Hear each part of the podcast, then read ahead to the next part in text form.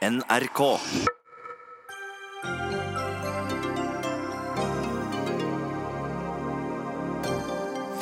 Når Siv Jensen vil la tollerne bruke pepperspray, flytter vi grensen for våpenbruk i Norge, mener SV.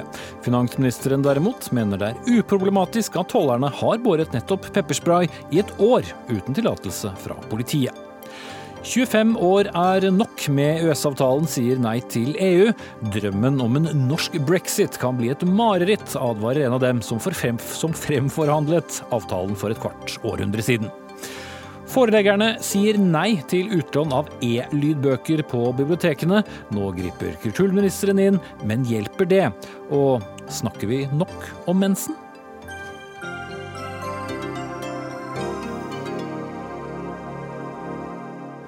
Riktig god kveld og velkommen til Dagsnytt 18 denne tirsdagen med Espen Aas i studio. Vi skal forsøke å svare på det siste spørsmålet senere i sendingen, og vi skal også diskutere om maten vi kjøper i butikkene bør merkes med hvilket klimaavtrykk den gir. Men vi begynner med saken om at norske tollere i et helt år har båret pepperspray uten tillatelse fra politiet. Når finansminister Siv Jensen nå vil la dem beholde den, utvider de et voldsmonopol som er forbeholdt forsvar og politi, sier du Petter Eide, sitter i justiskomiteen for SV. Det er jo ikke noe dødelig våpen vi snakker om her? Nei da, men det er, det er interessant. Altså, vi har en situasjon i dag hvor det er politiet og Forsvaret som har monopol på å bruke vold eller makt, og også bære våpen, på vegne av fellesskapet. Og Det er klart det har vi en god begrunnelse for. Det er jo nettopp fordi de skal beskytte oss og våre interesser. Og Det å utvide da den tillatelsen til å bære våpen, det voldsmonopolet, eller maktmonopolet som vi kaller det, til en ny uh, yrkesgruppe eller en ny etat, det krever en viktig prinsipiell avklaring. Uh, Men hva risikerer vi? Ja, Vi risikerer at det er en rekke andre, altså en ny gruppe mennesker som skal bruke da vold, makt og også være bevæpnet på vegne av oss.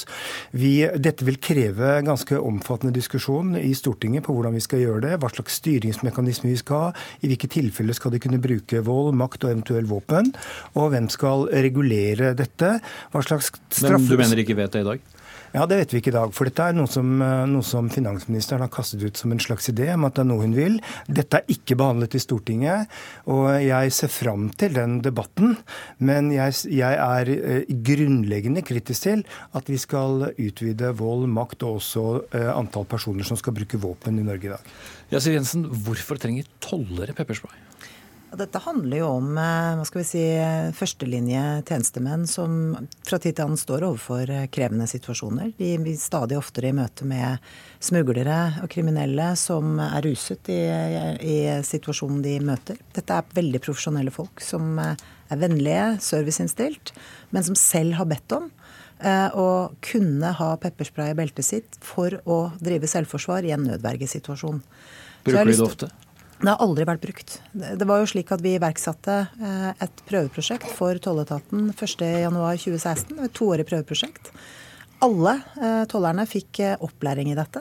Eller i hvert fall de som skulle bære peppersprayen. Det har ikke vært brukt, men har likevel bidratt til økt trygghet i en arbeidssituasjon for tollerne våre som gjør en viktig jobb. Og jeg syns, si Petter Eide overdramatiserer dette. Det handler først og fremst om å skape trygghet for folk som gjør en viktig samfunnsoppgave i vårt samfunn, som er med på å øke resten av samfunnet sin trygghet. Må huske på hvilken funksjon tollerne har. Men hvis de ikke har brukt den, trenger de den da? Dette handler jo om at de ønsker dette for å føle seg trygge. Og det handler jo også om at det kun skal brukes i selvforsvarssituasjonen nødverge. Det har ikke vært nødvendig, og det har å gjøre med at de er flinke til å håndtere mennesker. De er flinke i møte med mennesker, men de har ønsket det selv. Og jeg mener det er min jobb som ansvarlig for tolletaten å lytte til så klare vurderinger fra etaten selv.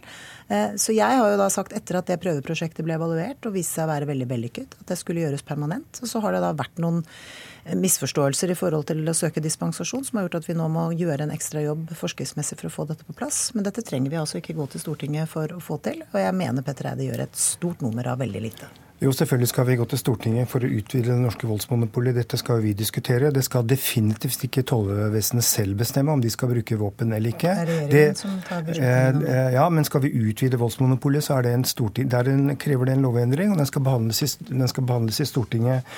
Nå er det jo sånn at uh, de har ikke brukt disse våpnene. Det betyr jo at uh, antagelig ikke er behov for det. Og det Siv Jensen sier om at uh, det stadig oftere osv., det har hun ingen dokumentasjon for. Det finnes altså ikke per i dag. Jeg har lett etter det i dag dag. Det finnes altså ingen dokumentasjon som sier at tollvesenet har behov for å bevæpne seg. Ikke sant? Eh, og, det, og, Hennes andre argument er at når de selv ber om det altså Det skal ikke være sånn at det er politiet, militæret eller i dette tilfellet tollvesenet som selv skal bestemme sine maktmidler. Storting og regjering skal bestemme maktmidlene i et demokratisk samfunn. Det skal ikke være utøverne selv som skal bestemme det. I all verden, hva slags samfunn skulle vi få da hvis det var politi og militære som selv bestemte hva slags våpen Men, de skulle ha? Nå er du fortsatt helt ute på, nå er du fortsatt helt ute på viddene. Det er ikke tolletaten som selv har besluttet dette. De har lenge anført at Det var du som sier det, at de nei, har selv bedt om det. Det sa ja, du for ett minutt siden. Ja, men ja. de har jo ikke selv hatt muligheten til å bare ta dette i bruk. Eh, det har de fått adgang til fordi ja.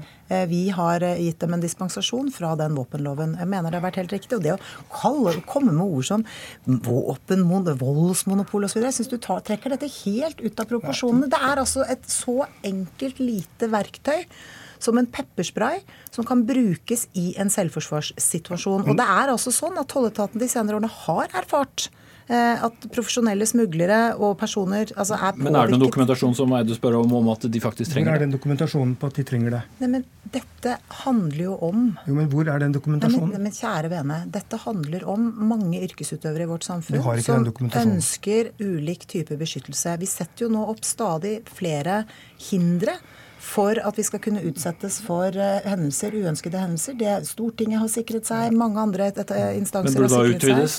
Nav-ansatte, dørvakter altså jeg, Nå har jeg ansvaret for tolletaten. Og i den dialogen jeg har hatt med tolletaten, så har jeg ment at dette har vært et viktig verktøy å la de få anledning til å bruke. Jeg oppfatter at i den store samfunnsdebatten så er det jo ingen, kanskje med unntak av Petter Eide, som mener at dette er et problem. Tollerne føler seg tryggere i utførelsen av jobben sin, og de gjør en fantastisk jobb for å trygge vårt samfunn. La meg bare ta noen prinsipielle stopp da. Cecilie Nakstad, tredjeperson i, i studio her. Du er advokat ved Matrix Advokater. Er det alvorlig at tollerne går med pepperspray uten tillatelse i et år? Uh, ja, de har, de har, jo da bevæpnet seg uten hjemmel. Det er jo faktisk straffbart. Uh, og det er en grunn til at ikke hvem som helst kan bevæpne seg. Eh, det er en forskjell på polititjenestemenn og på tollere. I den forstand at eh, i politirollen så ligger det eh, i det at man ganske ofte vil komme i konfrontasjoner med publikum eller de man skal pågripe, mens en tollers rolle veldig sjelden vil innebære det. Jeg har faktisk ikke hørt om Jeg har vært forsvarer i veldig mange år og representerer jo da de som blir stoppet på grensen, f.eks. da. Og jeg har ikke hørt om ett tilfelle, og jeg har også tatt en runde på kontoret for å høre om noen andre har hørt om tilfeller hvor det har blitt konfrontasjoner da med tollere. Og det, jeg har ikke funnet et eneste eksempel mm. på Bare det. for å ta den biten av, da, for mm. det å bære pepperspray som sådan. Altså, mm. Du kan ikke bære pepperspray som en trygghet når du skal uh, gå hjem fra byen en senere dagskveld f.eks. Nei. Nei. Og heller ikke altså personer jeg har hørt har kommet i konflikt med eller konfrontasjoner som man kunne tenkt seg kunne hatt bruk for en pepperspray. Altså folk som jobber på Nav, eh, psykiatriske sykepleiere. Der skjer det jo hendelser. De kan heller ikke bruke pepperspray. Og det er ikke et sånt et eh, veldig lite våpen som det blir sagt her. Altså pepperspray, å få det i øynene gjør veldig vondt. Og det er særdeles ubehagelig. Mm. Men når eh, ansvarlig statsråd for yrkesgruppen sier at det er greit, så er det vel greit, eller? Nei, Det syns jeg ikke er greit. Eh, jeg syns det er en grunn til eh, at politi og forsvar kan bevæpne seg. Eh, og det er en grunn til at man ikke, ikke hvem som helst kan bevæpne seg. Den gruppen som kan gjøre det, bør begrenses i minst mulig grad. Si det er jeg helt enig i. Jeg er også helt enig i at det skal være forskjell på politirollen og en toller.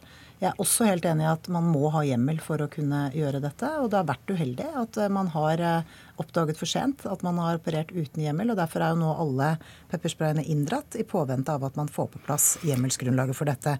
Men, men, og jeg syns jo det er bra, jeg. at vi har en tolletat som opptrer så profesjonelt og serviceinnstilt at det ikke har kommet til konfrontasjoner. Jeg tror ikke de ønsker at det skal komme Så er det mest for avskrekking? Nei, det handler ikke om avskrekking engang. For dette er jo ikke noe som er synlig. Dette handler om, som jeg har sagt flere ganger, at man skal kunne drive selvforsvar i en nødvergesituasjon. Vi skal være veldig glad for at det ikke skjer. Men det handler først og fremst om det. Eh, men det handler ikke om at vi skal nå drive en utstrakt utvidelse av eh, våpenbruk i dette samfunnet. Det skal det er jo det dere gjør. Nei. Jo, det er, det er ikke noe utstrakt bruk. Dette Nei. handler om å utvide dette til tollere som i mange situasjoner eh, gjør deler av den jobben som politiet kommer og overtar. Eh, de kan komme i situasjoner hvor de avdekker betydelig kriminalitet. Eh, og så må politiet komme inn overta sakene og etterforske det videre. Men det, det vi ser i, eh, Når eh, det norske politiet har fått anledning til å bruke mer og mer våpen de siste årene under Fremskrittspartiets regime, det vi ser at i situasjoner som politiet, og i dette tenkte tilfellet tollvesenet, situasjoner som de normalt løser ved hjelp, altså uten våpen, ved hjelp av på en måte god psykologi, god forhandlingsteknikk, tydelig autoritet osv. Eh, slike situasjoner, hvis man har våpen, så vil slike situasjoner i større grad bli løst med våpen. Men sa ikke akkurat Siv Jensen at det var nettopp det som ikke hadde skjedd? Eh, jo, men altså det å innføre en permanent ordning, det hun vil. Da frykter jeg at normale situasjoner som før blir løst uten våpen, vil nå i større grad bli løst med våpen. Og da får du en mer si, bevæpning av samfunnsstrukturene, av samfunnsautoritetene, enn det, enn det, og, det en, og, det er en, dramatisk inngripen i det norske samfunnet. Det er et sånn type samfunn som jeg ikke ønsker meg. Mm. Eh, Men det jeg, vil du ha? Jeg ønsker meg jo et samfunn hvor eh, både kriminaliteten, håndgemeng og våpenbruk er lavest mulig.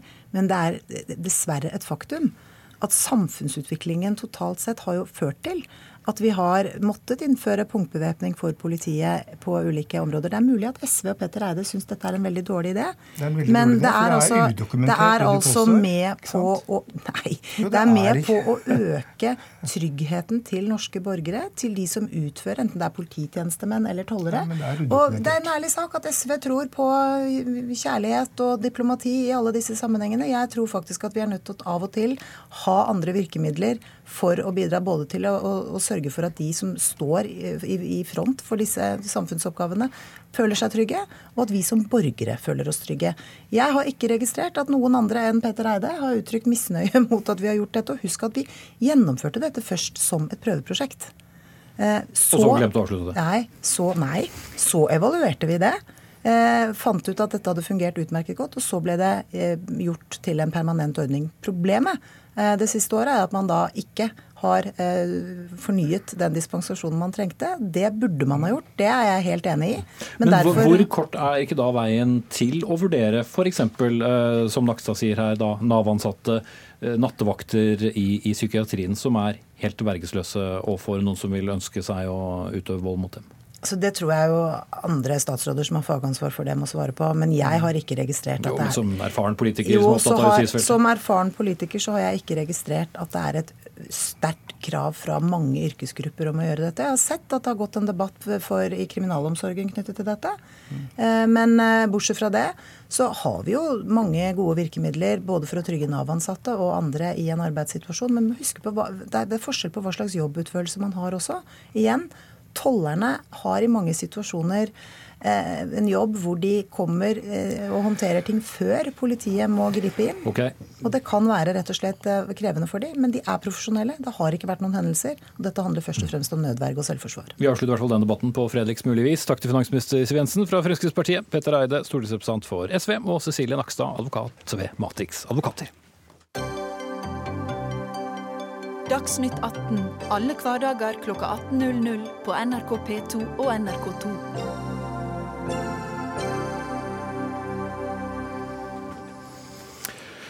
Den eh, polske konsulen eh, Slavomir Kowalski ble som kjent i forrige uke utvist eh, fra Norge etter det Utenriksdepartementet karakteriserer som oppførsel som ikke er forenlig med hans rolle og status som diplomat. Kowalski har flere ganger blitt omtalt av norske medier i forbindelse med saker knyttet opp til barnevernet i Norge. Han skal bl.a. ha bidratt aktivt til å bistå polske familier som har vært i konflikt med barnevernet. Vi har snakket med den polske ambassaden i dag, som sier at de er fornøyd med jobben han har gjort eh, i Norge. Men eh, Iver eh, B. Neumann, direktør ved NOVA. Hvor vanlig er en slik diplomatisk handling overfor et annet land? Det er uvanlig, og spesielt blant land som generelt er på god fot. Altså, som Siv Jensen nettopp minte oss om, så er kjærlighet til diplomati beslektet i den forstand at man legger godviljen til. Og dermed, når man får høre om en sånn sak, så tenker man hva er dette? Nettopp. Og det som skjer i en sånn sak er Jeg vet ikke noe om denne saken spesifikt, men det som er vanlig fremgangsmåte, er at eh, utenriksministeriet i vertslandet, som det heter, i dette tilfellet altså Norge, tar underhånden kontakt med ambassaden og sier hør her sånn, dette går ikke, vi foreslår at dere sender hjem denne diplomaten, eller i dette tilfellet en konsul med diplomatisk status. Og så gjør gjerne senderlandet, i dette tilfellet Polen, det, og så er saken eh, omme. I dette tilfellet så har altså Polen tydeligvis latt være å efterkomme et sånt ønske. og Det viser jo også det at ambassaden sier at de er fornøyd med jobben han har gjort. De vil ha frem et politisk poeng. Og da har bare, hvis norske myndigheter fortsatt vil bli kvitt en diplomat, så har man bare en eneste måte å gjøre dette på, fordi diplomaten har immunitet, immunitet og det er å erklære personen for uønsket, eller persona non grata, som det heter. Mm. Og Det er jo et uh, språk, et diplomatspråk, som, uh, pakker, hvor man pakker inn budskapet uh, langt på vei. Men, men, det som ligger under her, er veldig alvorlig, og særlig med tanke på hvordan Norge samtaler med de aller fleste diplomater eller konsuler. Altså Denne innpakningen av assistent for å si 'dø, stikk', så sier man at du er uønsket. Det er svært viktig, fordi denne typen former gjør at ting ikke utarter. Men i dette tilfellet så har de utartet, fordi Polen har jo svart ved å utvise en norsk diplomat. Og det er ikke fordi han eller hun har gjort noe spesielt, men det er fordi de vil markere at uh, her vil de ha slag for slag, da. Mm. Og dette blir fort uh, lagt merke til? Ja, det kan man observere. Dette blir lagt merke til, og jeg syns det er veldig uheldig, ikke bare for dette sakskomplekset og forholdet mellom Norge og Polen, men jeg legger jo også merke til at man har en ikke fullt så sterk, men lignende sak mellom de gode vennene Frankrike og Italia. Og her Vi er altså i ferd med å få en, en, med å få en, en situasjon hvor diplomati blir litt mindre kjærlighet. Og den den mangelen på pute mellom mulige statlige motstandere som diplomatiet er, lider av det. Så dette er ikke noe ålreit. Det er ingen som tjener på det. Sofia Paskewitz, eh, journalist og dokumentarist her i NRK. Du er selv fra, fra Polen og har bl.a. laget radiodokumentaren 'Familien er hellig', om hvorfor polakker frykter barnevernet. Fordi dette er jo da en del av sakens eh, kjerne, eller stridens kjerne her, eh, om man vil. Som jeg nevnte innledningsvis, så har han da bistått, som det heter. Hva er det som er så problematisk med polakker og norsk barnevern? Altså, polakker hører gjerne om barnevernet lenge før de setter sine føtter på norsk jord. Barnevernet det er noe man vet om Norge sammen med fjord og fjell og oljepenger. Og da gjerne ikke en positiv kontekst. Man vet ikke helt hva det er, men det er noe skummelt. Norge tar polske barn for å gjøre de norske fornorsking. Eh, og det er masse info om barnevernet på mer eller mindre oppskøne blogger og forum. Og også i seriøse aviser så er det en del skremselspropaganda om det norske barnevernet. Mm. Men skremselspropaganda, sier du. Du har jo snakket med familier som har fortalt om hvorfor de har et dårlig forhold til, til barnevernet. Er det noe med det norske barnevernet, eller er det noe om den polske forståelsen av det norske barnevernet? Det er nok en kombinasjon. Altså Barnevernet, akkurat som alle andre institusjoner, kan gjøre feil. Og de kan gjøre ting som man mener er feil fra et polsk ståsted. Eh, I Polen har man jo også et barnevern, eh, men de griper gjerne inn først når uh, mor ligger døddrukken i en uke, uh, eller barna bor på gata, eller det er beviselig seksuell mishandling.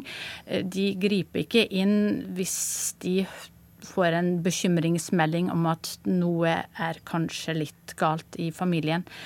Sånn at og Barnevernet gjør av og til feil, og disse feilene blir blåst veldig opp i norske medier. Uh, sånn at noe av frykten er begrunna, noe er nok ubegrunna. Mm. Men likevel på et såpass stort nivå at Og det, det sirkulerer jo bl.a. En, en video som konsulen selv har filmet, hvor, han, hvor politiet kommer inn, hvor han bistår en familie og han blir bedt om å fjerne seg. Så det er jo likevel på et så høyt nivå at eh, en så høytstående eh, person fra Polen velger å, å engasjere seg? Altså, eh, Polske konsuler i Norge har hjulpet polske familier i kampen mot barnevernet lenge. Denne konsulen er ikke den første som har gjort det. Og Altså, jeg vet ikke helt nøyaktig hvordan de jobber, men, men også de, hans forgjengere har ganske, vært ganske aktive inne. Og uh, for en ni år siden så var det en konsul som uh, bisto en, en, slags sånn Rambo-aktig agent som kidnappet en polsk jente fra en eh, norsk fosterfamilie. Eh, og de, de, var ikke direkte inne, men, men de hjalp til. Så, sånn at dette er ikke første gangen at eh, polske konsuler er aktive i, i, arbeidet mot barnevernet, og uttaler seg også i polske medier om dette arbeidet. Mm. Men når man, altså for all del, eh, konsuler og ambassadører og andre skal jo være til stede for sitt lands borgere der de er eh, plassert, men dette er kanskje litt utenom det vanlige? Så Den offisielle begrunnelsen for at dette skjer, er jo ikke noe med barnevern overhodet. Det er hvordan denne konsulen har oppført seg. Eh, og Det har vært konfronterende og ikke rettet seg efter myndigheters eh, pålegg osv. Så, videre. så det er, det er den spesifikke grunnen som er gitt til dette. Men det er jo klart at barnevernssaken er en sak. Og Før vi går for nær inn i det polsk-norske forholdet for å forstå dette, så er det jo et faktum at dette ikke bare gjelder Polen. Det er sterk og organisert skepsis til barnevernet i Russland, i Slovakia, i Tsjekkia, og det har vært demonstrasjoner. Eh, vårt forhold til Marokko og India lå pga. to spesifikke saker nede, og vi er helt dominert av dette i et år. I Litauen er dette en viktig sak, osv. Så, videre, og så, så den underliggende saken er at globaliseringen gjør at når et land som Norge har helt andre standarder på dette enn disse andre landene, så blir det bråk. Og Derfor vil dette fortsette. Dette, er, dette, skyldes i siste instans at man har forskjellige normer for hvordan barn skal oppdras eh, mellom skal vi si, Skandinavia og resten av verden. Og Spørsmålet blir jo da skal Skandinavia jenke seg? Eh, hvis man bestemmer seg for det, er det ganske vanskelig, fordi barnevernet og UD har jo ikke tradisjonelt snakket sammen. Så Sannsynligvis så er dette en sak som, eh, som, folk i barnevernet rundt omkring i det ganske land ikke tenker på i det hele tatt i sitt daglige virke. Mm. Så her har vi et eksempel på at verden slår ned i den ytterste nøgne ø her i Norge. Mm.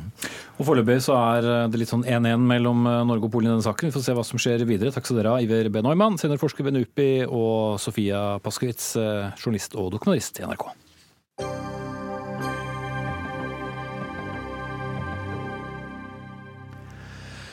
Mens eh, forholdet mellom EU eh, e og Storbritannia nærmest ser ut til å implodere eh, politisk i uenigheten rundt hvordan skilsmissen mellom de to skal foregå, er mange stadig veldig spent på hva det vil ha å si for Norge. Ikke minst ser det ut til å ha blåst liv i debatten rundt vår egen 25 år gamle EØS-avtale. Samfunnsøkonom Steinar Juel i Civita, som i sin tid var med på å forhandle frem EØS-avtalen, advarte nylig Dagens Næringsliv mot å se på alternativer til vår avtale. Mens du, Katrine Kleveland, leder av Nei til EU, synes det virker som en svært god idé å finne alternativer. Hvorfor? Det handler om at uh, i år er det 25 år siden EØS-avtalen trådte i kraft. Den har påvirka samfunnet vårt veldig mye. Sett fra mitt ståsted så har vi mista både selvstyre og demokrati. Og når nå SV i Stortinget har foreslått eh, at vi skal få en offentlig utredning om EØS, så var jeg veldig skuffa da jeg på høringa sist mandag var den eneste av de som møtte opp på høringa som mente at enten man nå er for eller imot EØS-avtalen, så burde vi jo nå se etter 25 år hvordan den har påvirka landet vårt, og se på alternativer som vi mener fins. Men mens eh, norske folk er veldig enige med deg når det gjelder EU, eh, e altså EU-skepsisen i Norge, er jo stadig veldig høy. Så er, jo, er jo folk flest veldig positive til EØS. Eh, e da. Trenger vi den debatten da? Ja, vi trenger debatten. Og, jeg må jo starte med å si at det er jo ikke bare 25 år siden EØS-avtalen eh, trådte i kraft. I november er det jo 25 år siden nei-seieren. Og de siste 15 åra har det da vært eh, flertall mot EU-medlemskap på hver eneste meningsmåling, uavhengig av hvem som har spurt. Men du har rett. Men du har rett. Det har vært et ca. like stort eh, flertall i Norge som mener at vi trenger EØS-avtalen. Men der skjer det noe nå.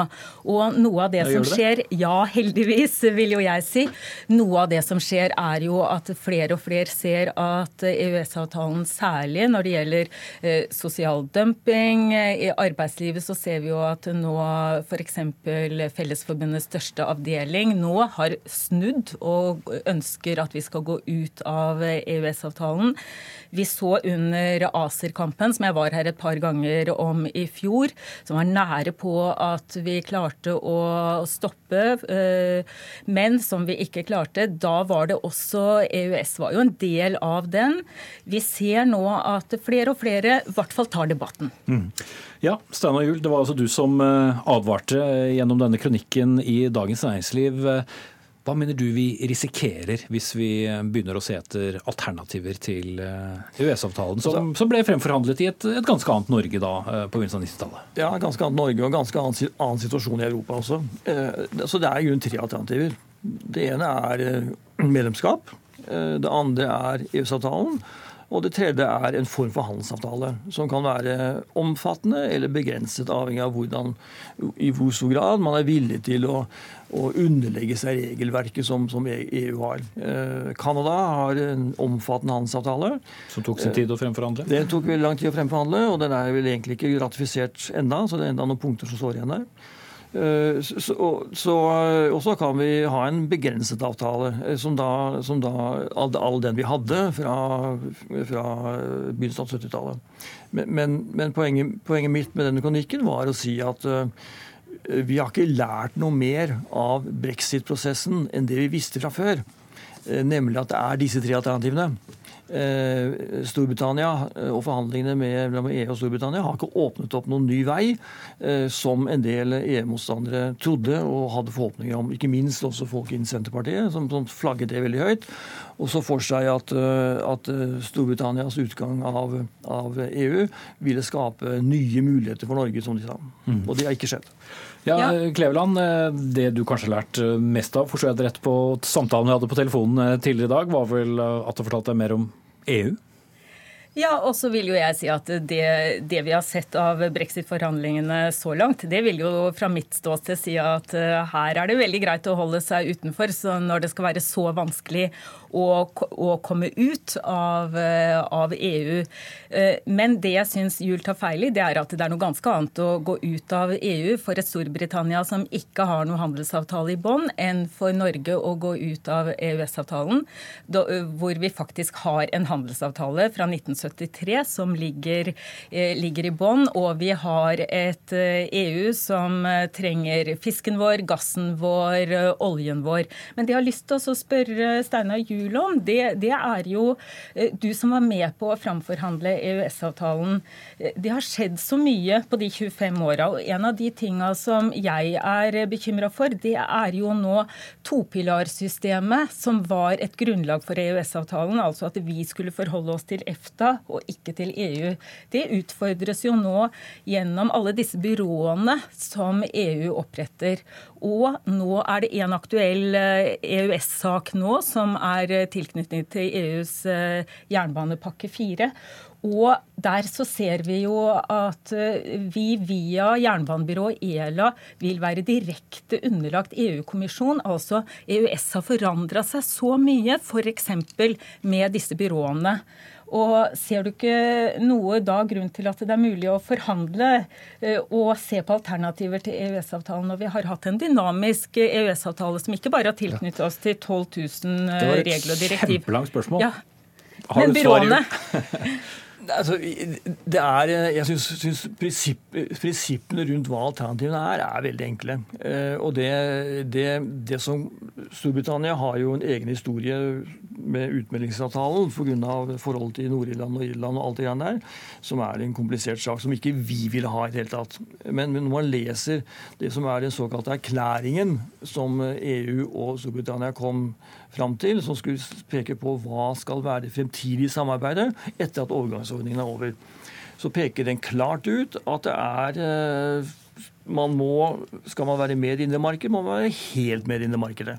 Akkurat det samme møtte vi på spørsmål da vi forhandlet med, med, med EU om EØS-avtalen. Og spørsmålet om, om medbestemmelse. Det går, det går, ikke. Vi kan ha en sånn eh, for Det kan heller ikke Storbritannia ha. Det de er, de er, EU eh, selv som bestemmer over sine indre ting. Mm. Så det er litt sånn eh, er, Vi må holde oss litt for nesen, men det er verdt det? Ja, det er, det er, en altså det er ikke, det er ikke, EØS er ikke en ideell ordning. Det tror jeg ikke noen som er tilhenger av helse i noen situasjon eller mener. Og Personlig ville jeg heller hatt, uh, hatt, medlemskap i EU, for da hadde vi hatt innflytelse og ville vært en helt annen situasjon. Så har det noen, no, også noen, noen, negative sider som noen er opptatt av, men det ville i hvert fall gjort at vi hadde det som kan sies å være demokratisk underskudd, ville vært, vært oppveid og fjernet. Og det, det som er, det jeg også syns er forunderlig, er at man i en verden i dag hvor, hvor vi ser flere og flere problemområder som krever internasjonalt samarbeid, forpliktende samarbeid, så er eh, Nei til EU og også Senterpartiet og, og ikke minst veldig opptatt av at vi skal ha selvråderetten.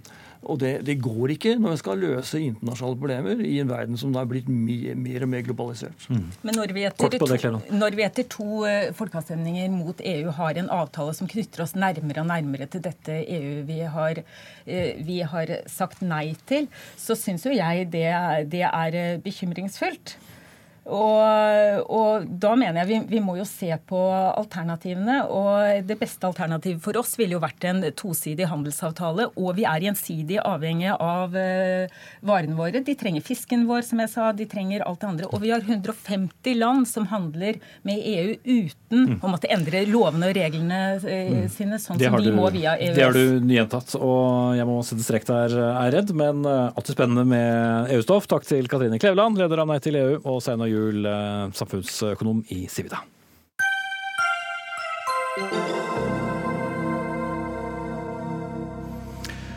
Nå skal vi snakke om eh, digitaliseringen av eh, bibliotekene her i landet. For fra foreleggernes side har det i mange år vært enighet om at det ikke er noen trussel for bokbransjen at folk har tilgang til litteratur gratis gjennom biblioteket. Men nå vil ikke lenger Forleggerforeningen være med på å utarbeide en ordning for utlån av e-lydbøker, altså helt digitale lydbøker som du da ikke låner via f.eks.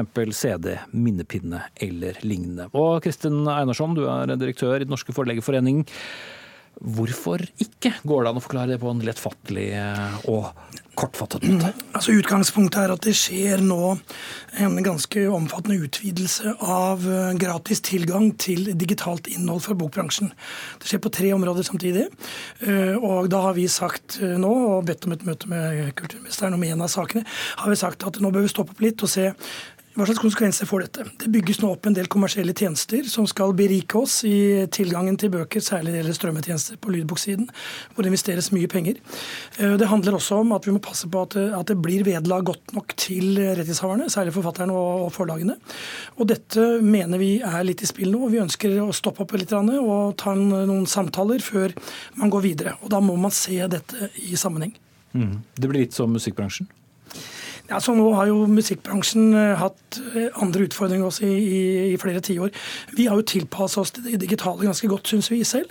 Vi har vært opptatt av at innhold skulle bli betalt for, og finne en måte å, å få kontakten med leseren hvor vi har beholdt uh, inntektsstrømmene til å utvikle forfatterskapene. Mm.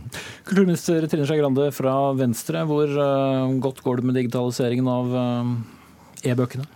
Jeg skulle ønske at dette gikk mye mye fortere. Fordi at vi har lyst til å ha bibliotek som er i front både teknologisk, relevant for folk.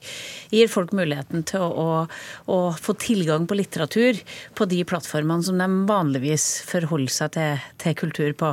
Og da må vi finne både gode modeller. Jeg tror jo ikke teknologien er noe trussel her. Det er ikke, vi har hatt bibliotek i 100 år, og, har, og det har hele tida sørget for at vi har kjøpt flere bøker. Mm. En ting er å kopiere en eh, liten lydfilm en lydbok, noe annet er å kopiere 498 sider ja, men, med celluloseprodukter. Ja, men det, dette Altså all erfaring tilsier at dette kan vi lage gode rammer for. Og det er det vi har invitert eh, eh bokbransjen til å være med og diskutere. Hvordan vi kan finne gode rammer knytta til utlånet på også de elektroniske mediene. Og finne gode, gode modeller som sikrer dem. Husk på, vi har mange gode modeller på dette. Vi har I ti år har vi hatt bokhylla.no der alle oss betaler to-tre to, kroner over skatteseddelen hvert eneste år for å få tilgang på all norsk litteratur på én nettside. Det har ikke ført til noe kommersiell lekkasje. Mm. Vi har liksom en sånn grunnleggende tro på at folkebibliotekene våre har gitt en tilgang til litteratur som fører til at folk også kjøper mer litteratur. Det må gå an også i nye digitale tider. Mm. Hvis vi prøver å være så konkrete for seerne og lytterne våre, altså, hva, hva konkret er det dere frykter skal skje at man massekopierer eh, nei, nei. bøker fra biblioteket, eller hva, hva er hovedproblemet sett? Nei, da, de, teknologien eh, bruker vi og har vi funnet gode løsninger på. Det er ikke problemet. Eh, nei, her, her handler det om å, å, sikre seg på den ene siden at det er gode vederlagsstrømmer til uh, rettighetshaverne. Og e, en av de tre sakene som er under diskusjon, mener vi underminerer den delen. Eh, og så gjelder på en annen side Kan du kort fortelle hva det er? Jeg kan kort uh, fortelle om det. det. Vi har eh, noe som heter en pliktavleveringslov i Norge, som gjør at uh, vi som produserer innhold, vi må levere alt gratis til Nasjonalbiblioteket. Og der skal det oppbevares, og der skal det kunne forskes på.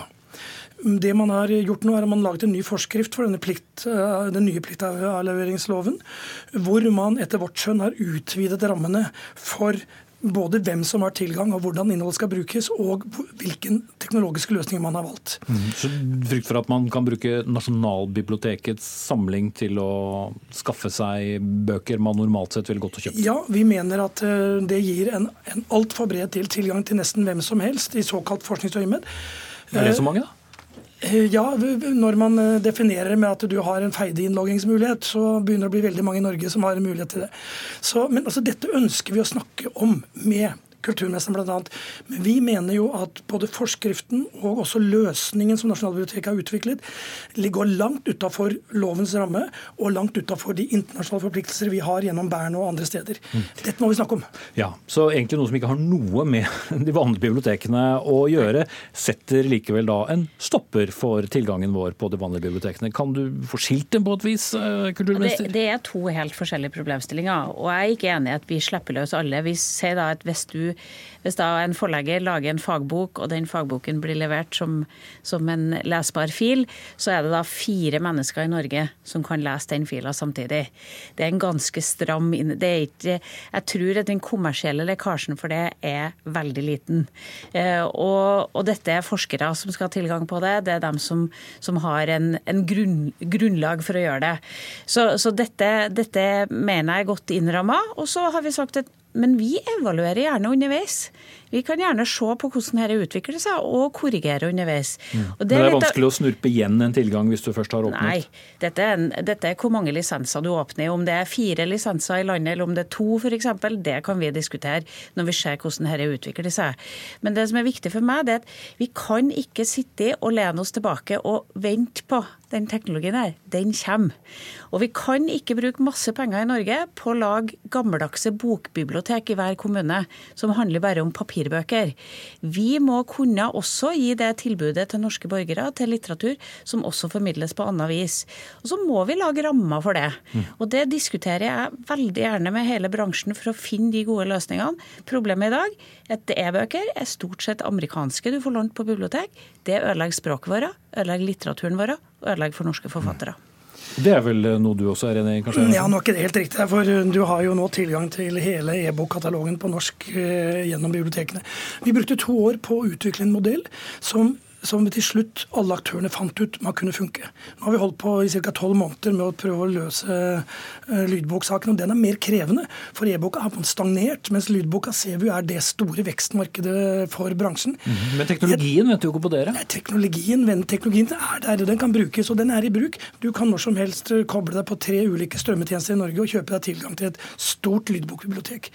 Så dette handler om å bruke litt av en tid. Og så jeg liksom sier is i magen til alle de som maser. Jeg hører, jeg ser at biblioteksjefer skriver at vi mister en hel generasjon. Mm, det er mange òg. Ja, jeg, spor, jeg, spurte tilbake til debatten på e-boka av 2011. Akkurat det samme. Det er, det er de samme generasjonene, men de leser, og de holder på. Vi må ikke holde på sånn. Vi må bruke tida. Eh, vi skal ha en dialog. Vi har en god dialog med kulturministeren. Vi bare venter på å få avtalt dette møtet med Kopinor og Forfatterforeningen og selv. Så skal vi få forklart hvor, hvordan vi mener problemet er større enn hva du tydeligvis mener i dag, så skal vi nok finne en løsning. Men gi oss tid, vi må jobbe mm. og finne løsninger. Men hvor lang tid da? Jeg tror mange er veldig utålmodige. Og, og, mange biblioteksjefer som du sier, har jo sagt hvis ikke vi tilbyr det folk vil ha, så slutter det å komme. Boksalget, de tradisjonelle bøkene, ikke hatt, hadde ikke noe spesielt godt 2018. Uh, uh, så da er, vel, er det ikke dumt å Eh, snyte folk for eh, det de vil ha? Det er ikke sånn at folk tørster etter og sier 'jeg får ikke lånt lydbøker på bibliotek'. Nå, For det første så kan alle forlag levere inn, og noen gjør det. Det finnes jo eh, en del hundre lydbøker tilgjengelig også digitalt. Så det er ikke sånn. Nei, vi skal ikke stresse med det. Det gjelder å finne gode løsninger. Det har vi alltid vært gode på sammen med det offentlige. Å finne gode løsninger som greier å forene. Vi har et av verdens beste litteraturpolitiske systemer. Det må vi videreføre. Mm. Men du har litt dårligere tid? Ja, Vi har et veldig godt system på papirbøker. Vi har virkelig klart å utvikle noe i norsk litteratur som jeg opplever at mange kommer hit og kikker på oss. Vi ser at vi har virkelig klart å skape masse store norske forfattere som selv kjempebra i utlandet. Dette er en suksessoppskrift, men da må vi henge med i tida. Og litt av det som har vært folkebibliotekene, er jo at det har gitt tilgang til dem som ikke kan kjøpe bøker, og det har åpna en verden for alle dem som, som ikke har rettledning i bøker. Og litt av utfordringa er at i dag selvfølgelig kan du ha strømmetjenester. Alle de barna som har ikke det mamma og pappa ikke orker å lese på kvelden, kan få sette på Storytel eller Fabel eller andre barnebok. Men jeg er opptatt av dem som ikke har foreldre som kan kjøpe Storytel eller Fabel-abonnement. Og dem vil jeg også ha en norsk stemme som leser en norsk barnebok når de legger seg, og at de òg får opplevelse. Inntil videre så får de hente frem CD-spillere og kassettspillere og høre folk lese opp med en litt sånn eh, morsom, rar eh, teatralsk stemme fra biblioteket. Takk til Kristen Einarsson og kulturminister Trine Skei Grande. Hør Dagsnytt 18 når du vil. Radio NRK Radio.nrk.no.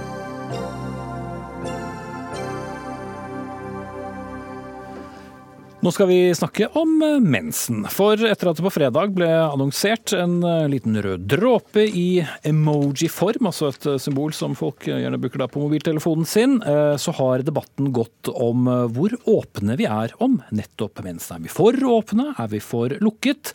For vi har jo lenge hatt emojier som symboliserer mat, religion, aktivitet, humør og, og mye, men altså ikke en emoji som forklarer tilstanden som 800 millioner kvinner og jenter opplever hver måned, og som kvinner har opplevd gjennom så lenge menneskeheten har vært til stede.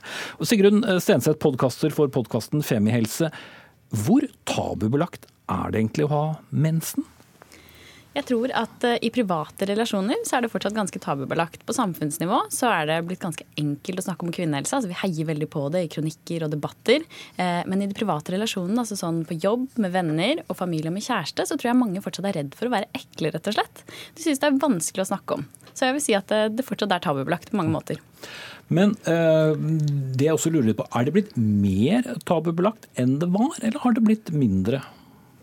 Det er vanskelig å svare på. Jeg tror vi har et veldig fokus på at vi skal eh, fjerne tabu. At vi skal være åpne, vi skal kunne snakke veldig mye om det. Og for mange så har det sikkert blitt lettere, men jeg tror at nettopp det der at vi er redd for å være udelikate, henger igjen hos, hos veldig mange. Mm. Som har vært noe der bestandig, kanskje. Eh, Kari Helene Partapoli, generalsekretær Plan Internasjonal Norge. Det var eh, deres organisasjon i Storbritannia som satte i gang kampanjen for å få denne mensen-emojien. Hvorfor var det så viktig?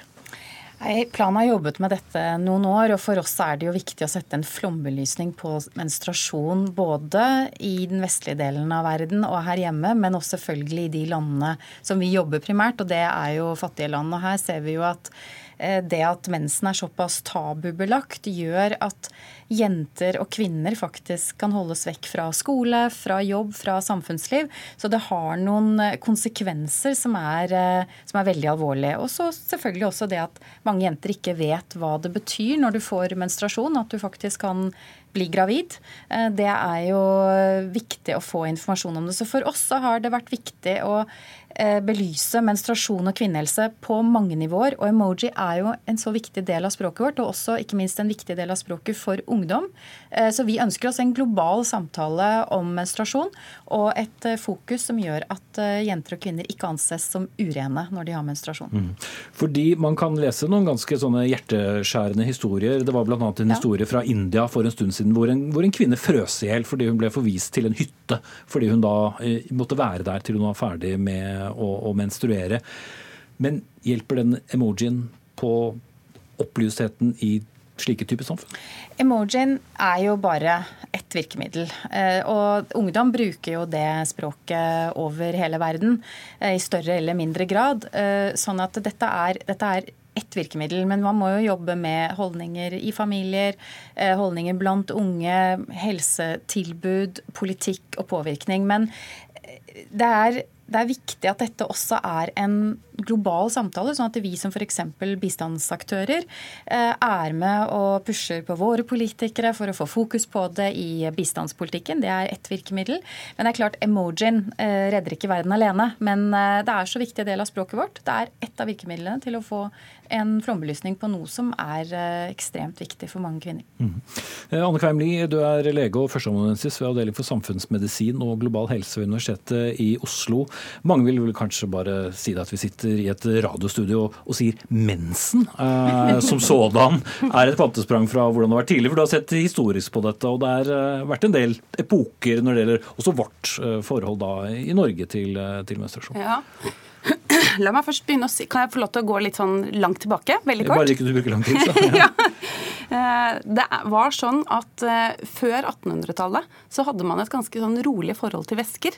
Det var en veldig nær forbindelse mellom kroppen og dens ytterverden. Så mensen var bare én av mange kroppsvæsker som spytt og, eh, spytt og urin og avføring og snørr og svette og alt sånt. Og det var sett på som en naturlig måte for kroppen å bli kvitt overskudd på, litt sånn farlige væsker.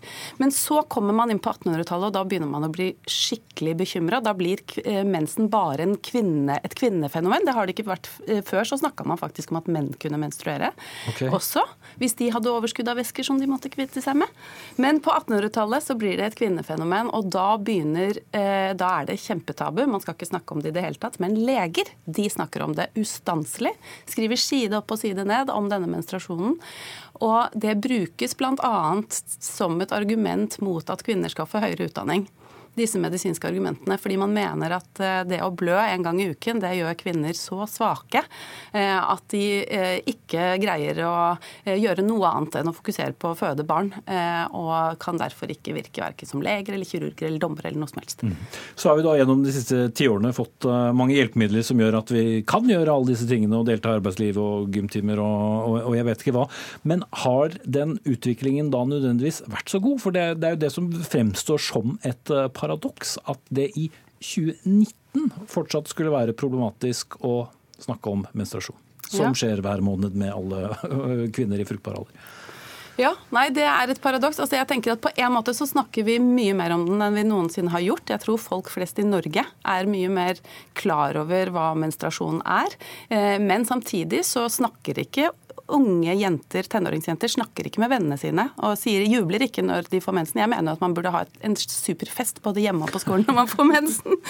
Eh, så det gjør man ikke. Man, vi har bind som er lyseblå ikke sant? og luktfrie, og det står at det, liksom, du skal, det er alt frihet i en liten eske, het en OB-reklame på 90-tallet. Altså, frihet blir knytta til det å skjule og gjemme bort mensen.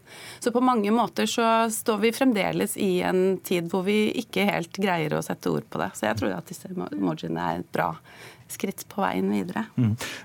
Stenseth, en annen ting som vel kan spille inn, er jo at ungdomskullene er jo også sammensatt på en annen måte rent kulturelt. og altså for så vidt også religiøst enn tidligere. Kan det spille inn, eller handler det mer om, om, generasjonene? At vi har fått mer forsiktige generasjoner, hvor man plutselig kanskje skal snakke mindre om menstruasjon, men også andre naturlige kroppsting?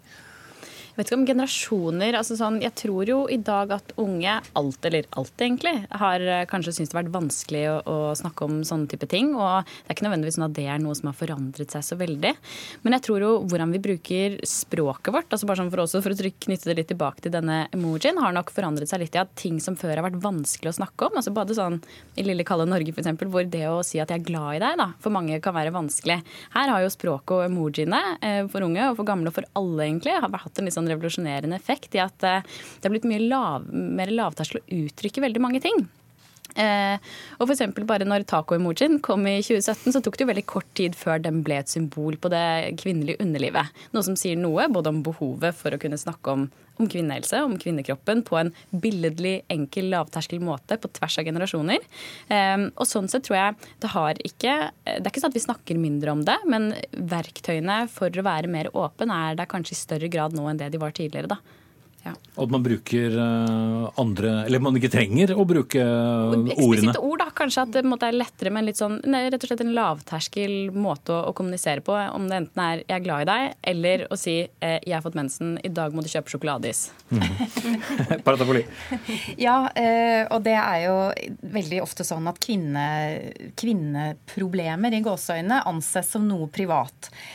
Og det er jo det som vi vil eh, bryte litt opp i, i, i arbeidet vårt i Plan, det er jo at eh, menstruasjon er ikke et privat kvinneproblem, men det er et samfunnsansvar.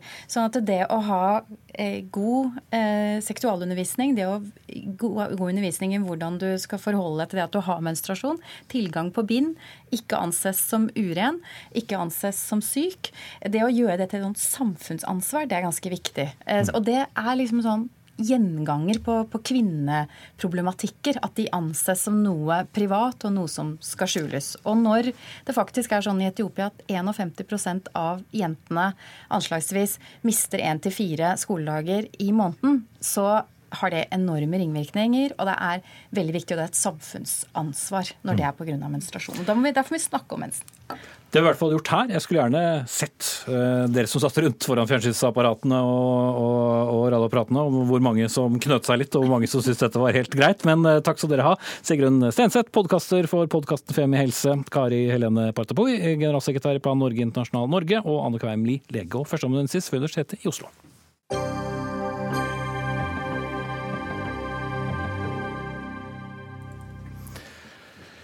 Se for deg at du står i matbutikken og skal handle inn til middag. I tillegg til den vanlige varedeklarasjonen, så kan du også lese på pakken hvor mye klimautslipp middagen din bidrar til. Og så kan du sammenligne hva som gir minst klimautslipp av biff, laks eller salat, og så får du velge om det er magen eller samvittigheten som bestemmer. Og Det å klimamerke mat er et forslag du har tatt ord for i en kronikk i Nasjonen. Andreas Skjalg Underland, leder i Sosialistisk uh, Ungdom. Det hørtes veldig komplisert ut. Det handler jo om at verdens klimagassutslipp de har aldri vært høyere enn de er nå, og dessverre så fortsetter de å øke. Eh, og globalt så er rundt en fjerdedel av verdens klimagassutslipp knytter seg til matproduksjon. Eh, så da handler det om at eh, det vi har på middagstallerkenen, det betyr noe. Så du gir folk litt dårlig samvittighet? Nei, det handler ikke om å gi folk liksom, dårlig klimasamvittighet, men heller skape en klimabevissthet. Og i dag så må du lese to bøker og et leksikon for å finne ut hva er det faktisk som har lavest klimagassutslipp når du står i butikk politikken. Og så vanskelig kan det ikke være for folk. Da må vi som politikere eh, ta vårt ansvar og gjøre det lettest mulig for folk å velge eh, det som er best for klimaet. Mm. Ada Arnstad, leder av Senterungdommen. Vi har jo merket maten mer og mer, hvilken gård den kommer fra osv. Så, videre, så er ikke dette fint i tillegg? Ja, eller altså Det vi mener er jo at vi allerede har klimamerking i dag. Vi har f.eks. Ny Norge. og Der vet vi jo at eh, klimagassutslippene forbundet med hver produserte enhet eh, med mat i Norge er lavere enn andre deler av verden. Og da, Når vi da importerer mat, så betyr det at da blir det mer CO2-utslipp. Eh, mens den maten vi produserer her i Norge, den, har lavere, den, er, den er mer klimavennlig enn en del importert, importert mat. Mm. Men det er mye mat vi ikke importerer. da, så Det vil jo være forskjell på om jeg velger meg en, om jeg velger meg storfe fra jeg vet ikke, fra Oppland eller salat fra Røyken. Ja, ja, og der, eh, altså Jeg ser din gode intensjon her, men jeg tror at det her er å skape mer byråkrati når vi allerede har noe eksisterende som viser om du faktisk tar et klimasmart valg eller ikke. Og Det å velge norsk mat er en måte å ta et klimasmart valg på, uten å skape ytterligere byråkrati. Og Er det noen ting som Parisavtalen er helt krystallklar på, så er det, det er to ting. Det ene er at vi skal få ned CO2-utslippene, det andre er at vi skal øke matproduksjonen. Og I Norge så betyr det da at da må vi utnytte gressressursene våre, og det må vi gjøre gjennom kjøtt. og Det er det som bekymrer meg litt òg en, når du ser på EAT-rapporten som kom f.eks., så fremstilles det veldig mye ulike historier om på en måte hvor mye utslipp er forbundet med ulik mat, eh, som ikke nødvendigvis er sannferdig eller tar for seg hele kretsløpet. Og jeg er bekymra for at en sånn merking kunne også ført til at norsk rødt kjøtt får mer kjeft enn det fortjener. Ok, Udeland. Ja, dette, altså jeg er enig i at norsk landbruk er veldig, veldig bra. Men det er stor forskjell på hvilken mat vi spiser, selv om den er produsert i Norge. Og Da er vi nødt til å gjøre det enklest mulig for folk å ta klimavalg. Eh, for vi vet at eksempel, Lager du en middag basert på bønner istedenfor biff, så har det 32 ganger mindre klimagassutslipp knyttet til seg. Det er ganske mange middager der. Så det har noe å si. og Undersøkelser viser at folk har lyst til å gjøre klimasmarte valg.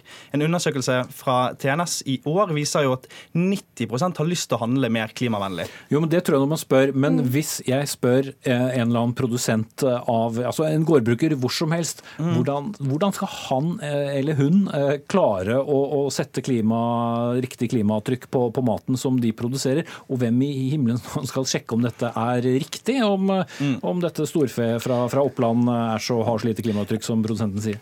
Altså, Vi merker maten vår med næringsinnhold, vi merker alkoholen vår, vi kontrollerer dette. Her er staten tungt inne og er et kontrollorgan. og Sånn skal det selvfølgelig også være eh, videre. Men poenget er jo at i dag så har du aktører som sender fisken til Kina for å pakke den der. Da vil jeg heller belønne de gode norske aktørene som ikke gjør det. det kan du bare kjøpe norsk, da? Jo, ja, men Det er stor forskjell på de norske aktørene. Det er norske fiskeprodusenter som pakker fisken sin i Kina istedenfor i Norge. Og det er sløseri med klimagasser som vi ikke har råd på karbonbudsjettet. Men jeg kan ikke skjønne annet, Arntzen, at det måtte være helt supert eh, for deg som heier på, på norske landsbygda. Hvem ville vel ikke ha en uh, kortreist ost eller kortreist biff, for den saks skyld, fremfor ikke, en utenlandsk? Jeg forstår ikke hvem som ikke kunne ønske seg det, men altså klimakampen trenger ikke mer byråkrati. Det tenker jeg vi kan slå fast. Og det Nyt Norge eksisterer, er i dag, og har f.eks. spesifisert det at maten skal være produsert og pakka i Norge. sånn at en del av problemstillingene som SU her løfter fram, er ikke et problem med dagens merkeordning. Og jeg må jo tillegg si at jeg håper jo at eh, det å støtte på om dyrevelferden og det å støtte på om at vi skal ha ren og trygg mat, det har vært med på å skape et klimasmart jordbruk som bør belønnes. Og jeg ønsker at måte, SU heller kunne vært med oss og kjempa for nye tiltak som å bruke biokøl for å lagre enda mer karbon i jorda. F.eks. det å gjøre noen ting med den 20 %-andelen av storfe. som vi har annet som vi ofte gjør i debatten her. Men, men Unnland, vær litt konkret. Altså, hva, hva, tenker du skal være med i en sånn merking? Reisetid, mm. På samme måte som du har næringsinnholdet, der du har sant, noen ting man har valgt ut, kalorier, proteiner og sånne ting. Det samme kan du gjøre med en klimamerking, der du sier produksjon, du sier frakt, du sier emballasje. Og Det vil jo nettopp være insentiv til de aktørene som gjør klimasmarte valg. For i dag så blir jo ikke de belønnet. Når Tine nå har en voldsom satsing på biogass på hentingen sin av melk, så bør jo det belønnes. Det bør jo vi som forbrukere få lov til å vite hvis vi ønsker å gjøre et klimasmart eh, valg. Og jeg kan ikke se hvordan det ikke er et fantastisk tiltak, når folk også jo, trenger hjelp til å da, En, en villfisk fra Tanaelva sammenlignet med en oppdrettslaks fra Ålesund. Altså, Jeg vet ikke selv hva jeg skulle trodd hva som var mest uh, miljøvennlig. altså, Selvfølgelig må man inn her og ha aktører som kan gjøre dette, så man får et riktigst mulig bilde av klimagassutslippet. Men det som også er viktig, er å vise forholdet mellom ulike produkt. Står du i pizzadisken, som jeg ofte gjør, så er det ganske stor forskjell på om du velger, velger liksom triple bacon meat madness istedenfor en vegetar margaritapizza, og skjønner at det er et ganske stort misforhold om å ta seg en kjøttfri dag eller ikke. Det er snakk om liksom 10-20-30 ganger utslippene her. Altså, det er du vel enig i? Altså, det er forskjell på utslipp på mat, selv om du muligens syns at norsk storfe er mer miljøvennlig enn eh, din sidemann? Det er forskjell på mat, og der er jeg enig i at måte, det fossile, om denne klimamerkinga har vist fram de fossile utslippene i matproduksjon, så tror jeg det er en god ting. Men så er poenget at når det kommer til de, bio, altså de her naturlige kretsløpene, så er det jo ingen som klarer å kvantifisere det ordentlig. Og faktum er at kjøttproduksjonen i dag den er med på å lagre karbon i jorda gjennom beitearealene våre. Og det blir ikke regna med. Derav så kan vi faktisk ende opp i den situasjonen at vi ikke produserer mer mat, og vi øker CO2-utslippene. Akkurat det motsatte av intensjonen bak Parisavtalen. Derfor mener jeg at vi bør heller forholde oss til Nyt Norge enn å innføre nytt byråkrati okay, i klimaets navn. Det, det, har du sagt uh, i dette miljøvennlige programmet Dagsnytt 18, som du kan nyte mm. hvor som helst. Trenger ikke å reise noe sted. Takk skal dere ha. Uh, Ada Arnstad, leder av Senterungdommen, og Andreas Skjalg Underland, leder av Sosialistisk Ungdom. Dagsnytt 18 er ved veis ende, enten du fulgte oss på fjernsyn og for ti minutter siden ble avbrutt av litt vintersport, eller på radio. Ansvarlig for denne sendingen var i hvert fall Jaran Ree Mikkelsen. Frode Thorsheim hadde det tekniske ansvaret. Her i studio satt Espen Aas, og Dagsnytt 18 er tilbake samme tid, samme sted også i morgen.